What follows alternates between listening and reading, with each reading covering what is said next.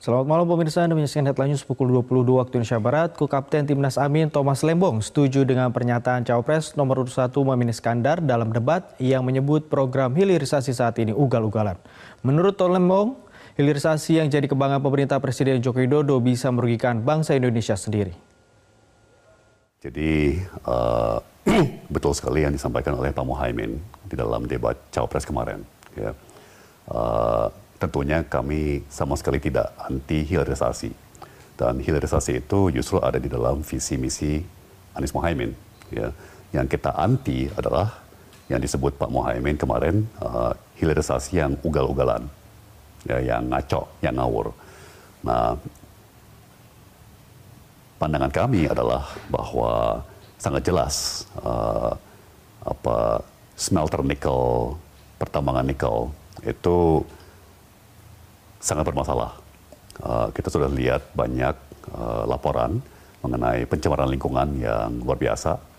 Ya, kita sudah mendengar banyak laporan mengenai uh, kecelakaan, ledakan yang terjadi di smelter nikel yang memakan korban.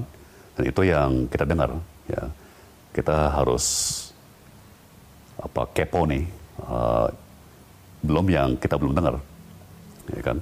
Jadi apa dan terakhir, uh, persis yang Pak Mohaimin bilang, uh, apa kebijakan ini malah uh, apa uh, backfire, maksudnya malah uh, pada ujungnya merugikan diri kita sendiri, ya kan? Uh, apa senjata makan tuan, ya karena tidak ditakar dengan baik.